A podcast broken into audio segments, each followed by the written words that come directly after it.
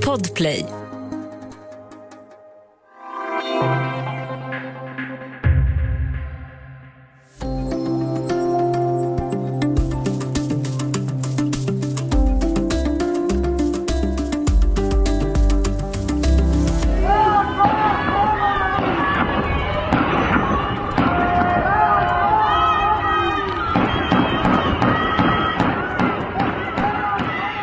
Ökända Evin-fängelset i Irans huvudstad Teheran står i lågor och det hörs skottlossning. Det här hände på lördagskvällen, en dryg månad efter att 22-åriga Massa Gina Amini dog efter att ha gripits av den iranska sedlighetspolisen. Sedan dess har protesterna i landet blivit allt mer utbredda. Många har gripits och ofta förs de just till det beryktade Evin-fängelset. Vad var det egentligen som hände i lördags? Och vad är Evin för fängelse? Om det ska vi prata i dagens Studio DN. Jag heter Evelyn Jones och med mig har jag Gilda Hamidi Nia, utrikesreporter på SVT. Hejsan! Hej! Vad var det egentligen som hände i Evin-fängelset i lördags?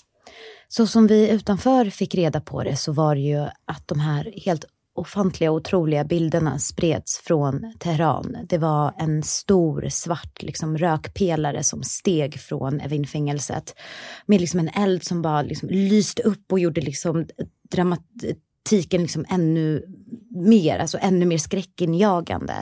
Mm. Och i de här videorna som sprids eh, allt eftersom under kvällen så hör man skottlossning, man hör andra eh, smällar också och det är ett väldigt stort frågetecken om vad det är som pågår där inne egentligen, för ingen har ju någon slags insyn. Och sen så eh, allt eftersom som de här videorna sprids, det var ju också på lördagen skedde ju protester över hela Teheran och hela landet, så de var väldigt stora som eh, i sig. Och i de här videorna så hör man ju hur människor skanderar liksom död åt diktatorn och död åt Khamenei som är den högsta andliga ledaren. Och i en video så är det en kvinna som filmar och hon gråter så oerhört mycket. Hon kan liksom inte hålla tillbaka tårarna och liksom vädjar och säger liksom, det verkar som att det inte finns någon gud. Så det var en väldigt eh, visuellt sett skräckinjagande scen som människor i Teheran såg och också som vi då utanför mm. eh, tog del av. Men också väldigt emotionellt eh, jobbigt. Och även folk försökte ta sig dit för att hjälpa till också. Precis. Eh, dagligen så brukar det ju stå anhöriga utanför Evinfängelset för att ja, på något sätt försöka få reda på vad som har hänt deras anhöriga som sitter där. Och så fort nyheten om den här branden bröt ut så var det ju väldigt många som försökte ta sig dit. Mm. Och det såg vi också bilder på för eh, regimen och säkerhetsstyrkorna de spärrade ju av vägarna till och från fängelset.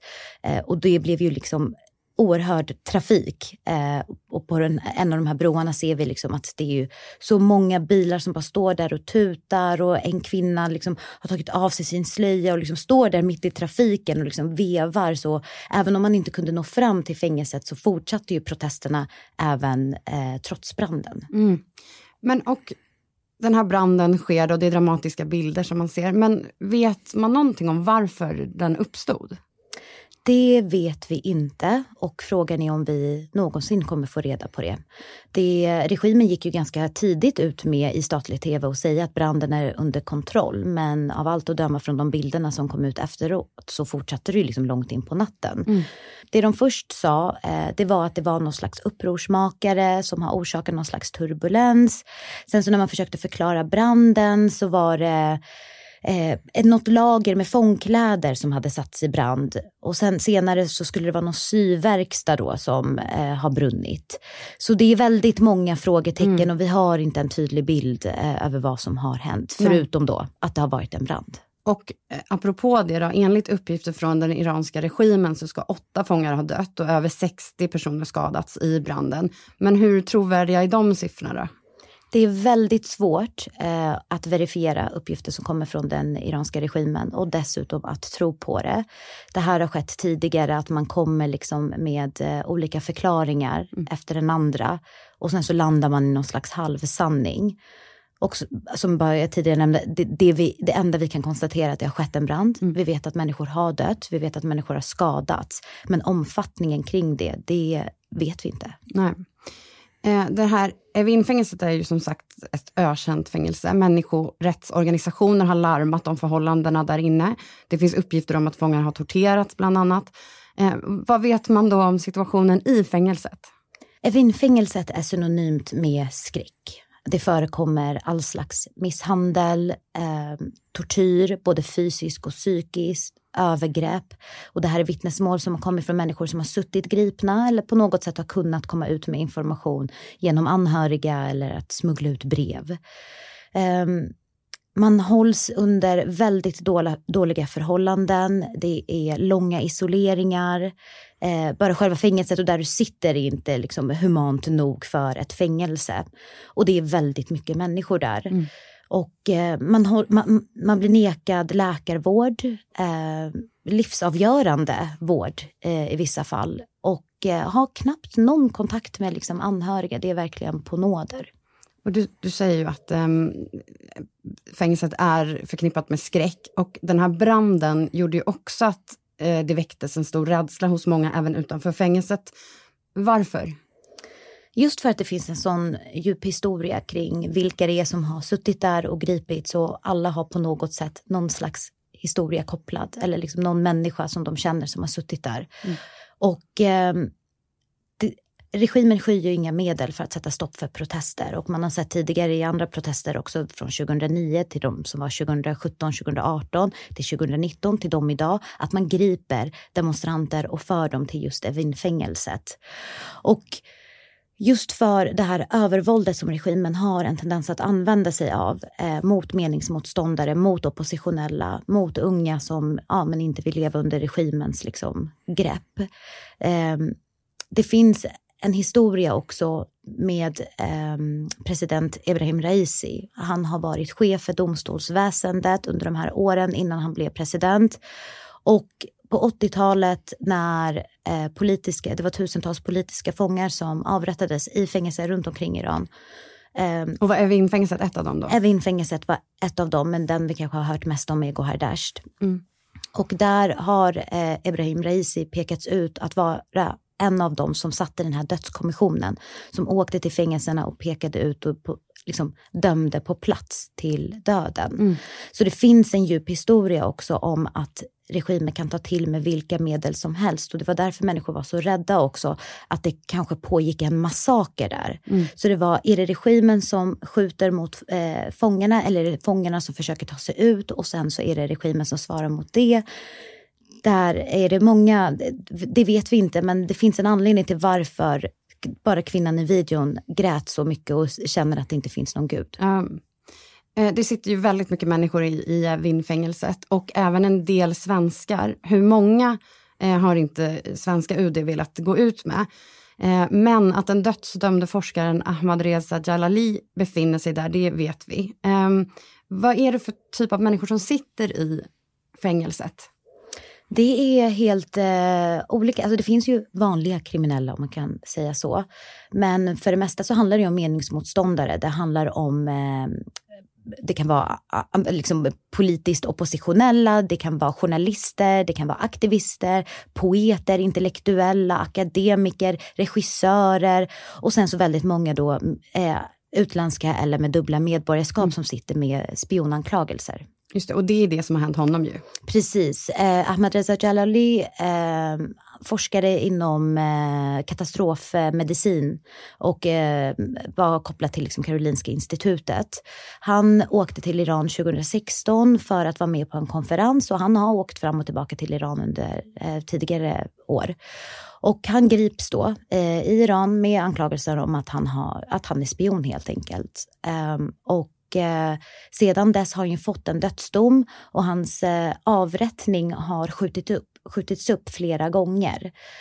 Um, men det vi vet nu i alla fall som hans fru Vida som är i, um, i Sverige har berättat, det, var nog till Expressen som hade fått en intervju med henne, uh, där vi vet att Ahmed Ahmed Reza Jalali är vid liv och han är kvar på Evin. Men mm. det är det här också att det händer där borta, det är ett fängelse i Iran, men det finns väldigt många som har anhöriga där. Mm. Så det påverkar också människor bortom Irans gränser och också människor eh, här i Sverige. Mm.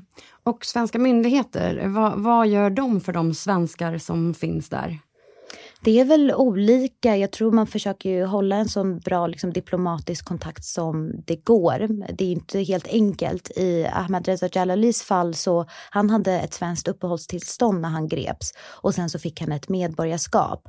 Men det här har ju inte hjälpt eh, på något sätt eh, att få honom frisläppt. För i Iran så accepterar man bara ett medborgarskap mm. och han anses ju vara iranier. Men de här försöken ändå med någon slags diplomatisk eh, relation. Det är ju så också Sverige motiverar till varför vi behöver ha ambassaderna öppna trots att det kommer kritik till att ja, men, vi borde stänga ambassaden både här och den svenska ambassaden i Iran. Just det. Vi ska prata mer om historien bakom Evinfängelset i Teheran och de som sitter fängslade där. Men först tar vi en kort paus.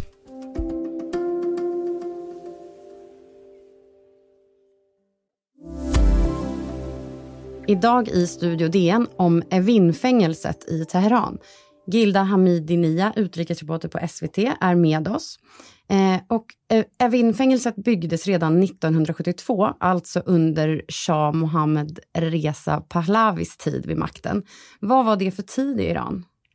Ehm, det är lätt att glömma, eller kanske inte tänka på just nu när man jämför med dagens Iran och regim, att eh, också under shahens tid var en repressiv sådan.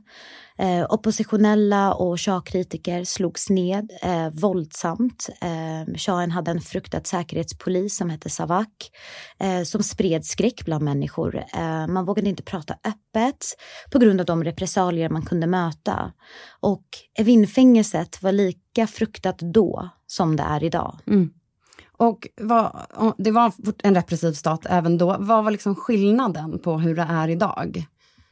det är väl vem som anses vara oppositionell mm. och vad, i vilket namn man gör det i. Nu gör ju den eh, iranska regimen gör ju det i den islamiska revolutionens namn. Shahen gjorde det för liksom, monarkens namn. Just det.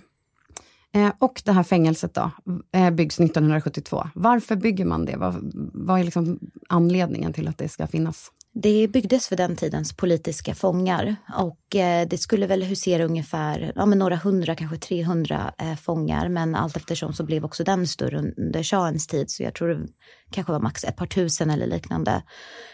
Um, och det var ju för att man inte heller fick kritisera shahen helt mm. enkelt. Um, och eh, idag är den ju mycket större.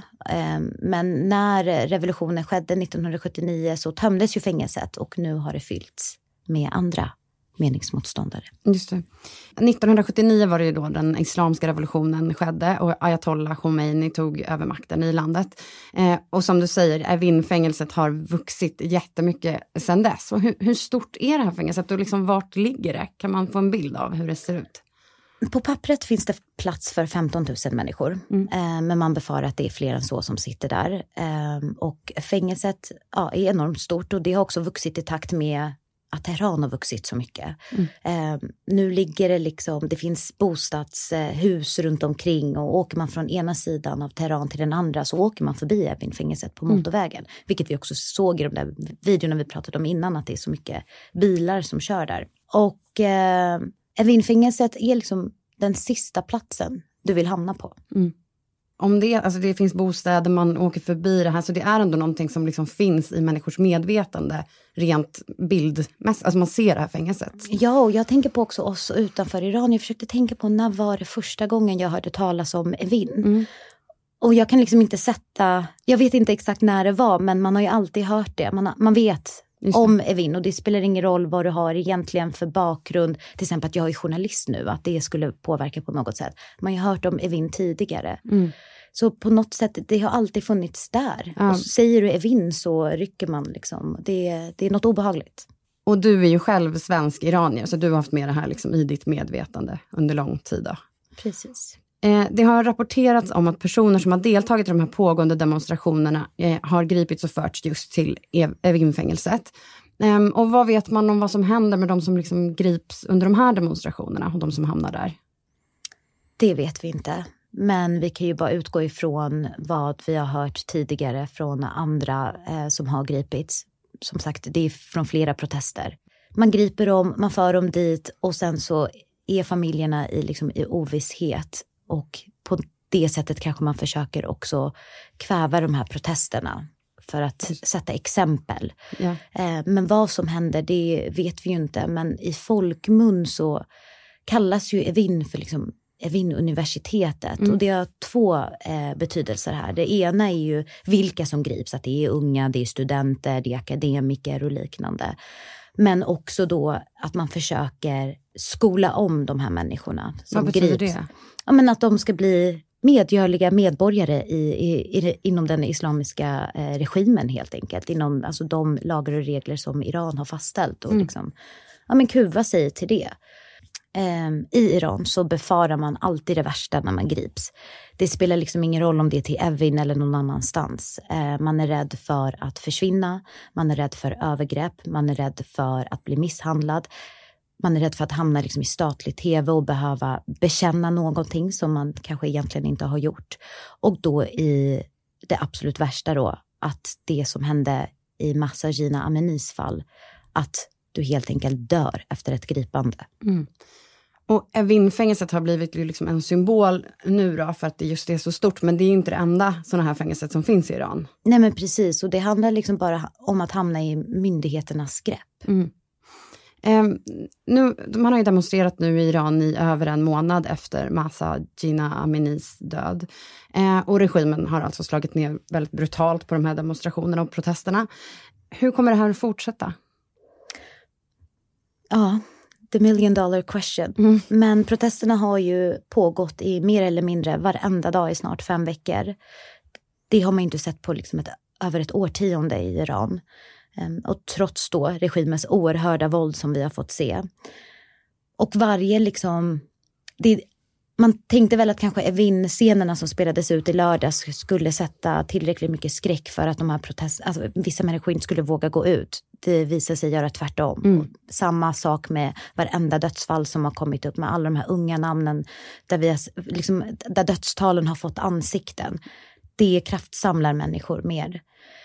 Sen vad utfallet blir, det är ju fortfarande oklart. Mm. Vi pratar inte om att det har skett en politisk revolution, men en förändring, en samhällelig förändring vill jag nog kunna konstatera har skett. Och det ser man också, även om slöjan har blivit symbol nu för att man tar av sig den om man är emot regimen, så är det, ett, det är så mycket mer än bara slöjan. Att kvinnor nu går runt precis så som de vill och inte följer de här klädlagarna, det är ett, ett aktivt ställningstagande mot regimen och där den yngre generationen absolut är i framkant men också stöds av andra. Mm. Så någon slags förändring eh, har absolut redan skett. Så regimens liksom försök att skrämma människor har snarare liksom gett dem mer kraft i de här demonstrationerna, skulle du säga? I de här protesterna, så som det har sett ut eh, än så länge, så har det det. Och eh, vi får väl se hur det fortsätter helt enkelt och vilka medel eh, regimen är beredda att ta ytterligare. Stort tack för det, Gilda Hamidi Nia, utrikesreporter på SVT och tack för att du var med i Studio DN. Tack. Om du vill kontakta oss så går det bra att mejla till studiodn dn.se. Kom också ihåg att prenumerera på Studio DN där du lyssnar på poddar så missar du inga avsnitt. Studio DN görs för Podplay av producent Palmira Koker Menga. Ljudtekniker är Patrik Miesenberger, teknik Mats Liljenberg på Bauer Media och jag heter Evelyn Jones.